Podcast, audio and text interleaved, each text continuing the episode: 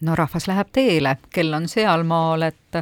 nii mõnelgi inimesel hakkab tööpäev otsa lõppema ja tuleb teele asuda, mõne inimese töökoht on pidev teel olemine, võtame kas või taksojuhid.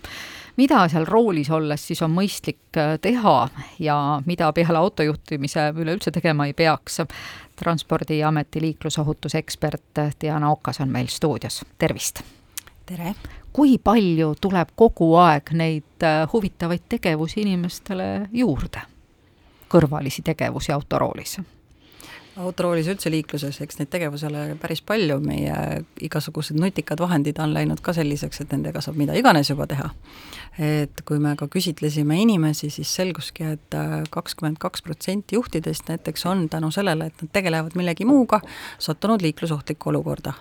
ehk siis kõik need asjad, mis meie tähelepanu sellelt liiklusest eemale võtavad, äh, on kõrvalised tegevused.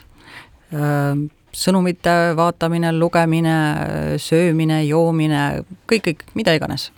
pluss tagaistmel olevad lapsed, kes kohe ja, küsivad just, midagi. vaja vastata ja jah, tegelikult isegi ka selline hästi aktiivne ju rääkimine äh, kõrval kas või istujaga, olemaga, on see, mis võtab mu mõtted sellelt peamiselt tegevuselt ära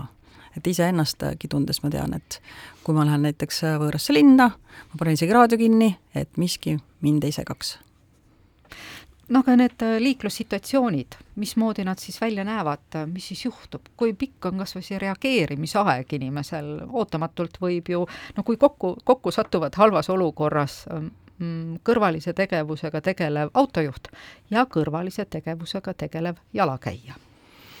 Väga halb versioon, on ju mm. -hmm jah, kui nüüd äh, selle reageerimise aja peale mõelda, siis äh, ainult ühe sekundiga näiteks linnakiirusel auto läbib neliteist meetrit, maanteel kakskümmend viis meetrit. kui ma nüüd just sel hetkel vaatan kuskile mujale, midagi muud, see on teoreetiliselt autoroolis oleks ta nagu silmad kinni sõitmine. ja, ja nüüd sellel hetkel just midagi juhtub, aga liikluses kogu aeg juhtub midagi, siis ongi paha tagajärg käes, et kunagi oli jah, see nagu rohkem võib-olla isegi autojuhtide teema. täna on jalakäijad ma ise näen ju ka kogu aeg, eks kõik näevad, telefonid on ees, nina on seal telefonis, alles eile nägin, kuidas üks koolipoiss tuli, äh, vot tal oligi, oli aktiivne vestlus parajasti pooleli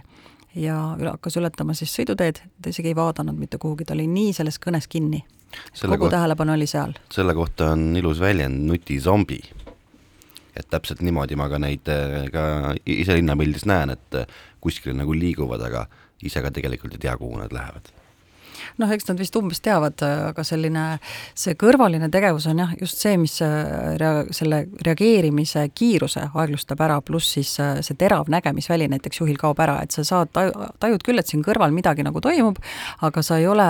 seda, ei näe nagu täielikult. ja kui nüüd äh, juhtub midagi seal liikluses, esiteks siis jääd oma reageerimisega hiljaks, pluss su aju,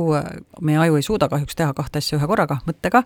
äh, võib tekkida temal ka segadus, et oota, mis see nüüd siis olulisem on, kas see kõrvaline tegevus, ehk kas või näiteks see telefonikõne praegu või siis see piduripedaalile vajutamine, et äh, et sealt, sealt need probleemid algavad. liikudes jalakäijana, ma pean ütlema kaks halba asja, mis ma isiklikult tunnen, minu puhul on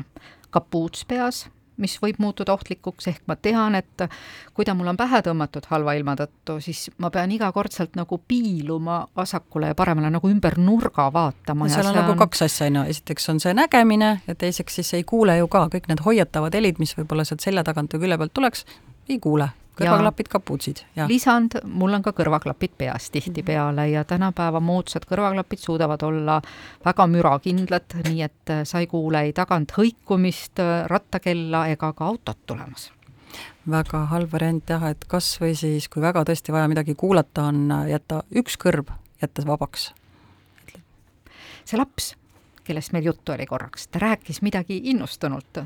kõnnib jalakäijana, see tähendab, et see võib olla tegelikult lapsevanem, kes koolipäeva lõppedes helistab lapsele, ütleb, no nii, kus sa nüüd oled, kas sa täna sõid, mismoodi sinuga on, millal sa koju jõuad, mismoodi kõik on. See vist ei ole väga hea mõte alati kohe koolipäeva lõpus, kui sa tead, et ta on koduteel lapsele helistada. jaa, meil on politseilt tulnud selle kohta ka teateid, et ongi juhtunud õnnetused, kui lapsed hakkavad siis koolist koju minema ja lapsevanem, kes siis muretseb, et kuidas sul seal koolis läks või, või mis iganes tahab teada saada, helistab sellele lapsele just siis, kui ta on parajasti liikluses, et kindlasti tasub teha lastega kokkulepe, et kui sa oled koju jõudnud, helista mulle siis ise, mitte ei hakka teda pommitama sellel hetkel. ja selle peale ei pruugi üleüldse tulla, sa tahad ju head sa ju hoolitsed. jah, lastega on üldse see, et äh, lihtsalt äh, selline keelamine võib-olla ära tee seda, ära tee toda, ei mõjugi niivõrd hästi, kuivõrd äh, teha kokkuleppeid ja selgitada lapsele ära, et mis selles tegevuses just on see, mis on siis kas ohtlik või mitte nii hea valik, et, et ta saaks aru ja oleks ise mõistlik ja teeks neid paremaid valikuid. kui me räägime kõrvalistest tegevustest liikluses, siis kas jalgratta peal on ka võimalik kõrvalisi tegevusi teha, ma ausalt öeldes natukene hakkasin mõtlema selle peale, et kuidagi tundub üsna keeruline, et sa pead ikkagi kaks kätt ju kinni olema, aga no meil inimesed vist arvavad iga tegevuse juures, et see multitasking on äh, võimalik, et äh, sealhulgas jalgratturid samamoodi, et äh, neil on ju ka, küll on telefonikõned pooleli, needsamad kõrvaklapid on peas, videokõned on viimasel ajal üsnagi sellised populaarsed äh, mõned teevad suisa videoblogisid, ka autoroolis näiteks, aga et jalgrattal sama lugu, äh, kui ma nüüd veel hoian ühe käega näiteks seda telefoni käes, siis ainult ühe käega sellest lenksust, siis äh, midagi juhtub, noh, ma ei, ei valitse seda ratast nii hästi, pluss see tähelepanu ka liikluselt ju kaob. ja jalgrattur liigub kindlasti kiiremini kui jalakäija, ohte rohkem noh, aeg-ajalt on äh, midagi, näiteks kas või seda, kus ma olen, kui ma olen võõras linnas, kaardirakendust jälgida, mida siis peaks silmas pidama, kuhu ma pean ta asetama, kui autol ei ole seda ekraani olemas, et ma saaksin siiski ka liikluses osaleda, mitte ainult jälgida seda telefoniekraani?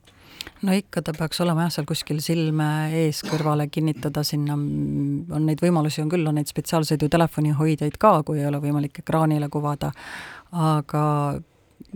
kõik tegevused võimalikult nii, et silmad oleksid ikkagi kogu aeg rooli peal, et ma kas või ise märkan seda, et kui ma sõidan püsikiiruse hoidjaga, hakkan fikseerima seda kiirust, siis mu silmad hakkavad tegema seda ainult ette, sellele, ette, sellele. ehk et kõik külje pealt kaob ära, et mida vähem me mujale vaatame, seda parem. nutikad autod, kisuvad autod, kui sa ei hoia korralikku sõidujoont, see võib ka ohtlik olla jah, teinekord on küll selline, et, et auto tahab olla targem kui mina siis teeb niisuguseid jõnkse, tekib selline paha tunne sisse, et äh, olen ka tajunud seda kindlasti teisedki, et et äh,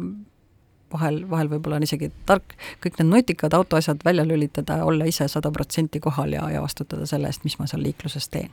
soovitustest rääkides, siis no kuidagi meil on ikkagi see ühiskonna surve selline, et kui see telefon heliseb, sulle annab äh, käe peal kas või see nutikell, eks ole, märku, et keegi helistab ja me peame ju selle vastu võtma, see kõne on ju nii oluline.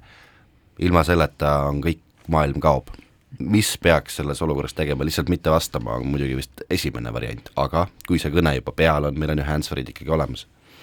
võib-olla ennekõike tasub korra see teema üldse, kõrvalised tegevused kui sellised liikluses äh, enda jaoks nagu läbi mõtestada, et mida see tähendab, äh, mis,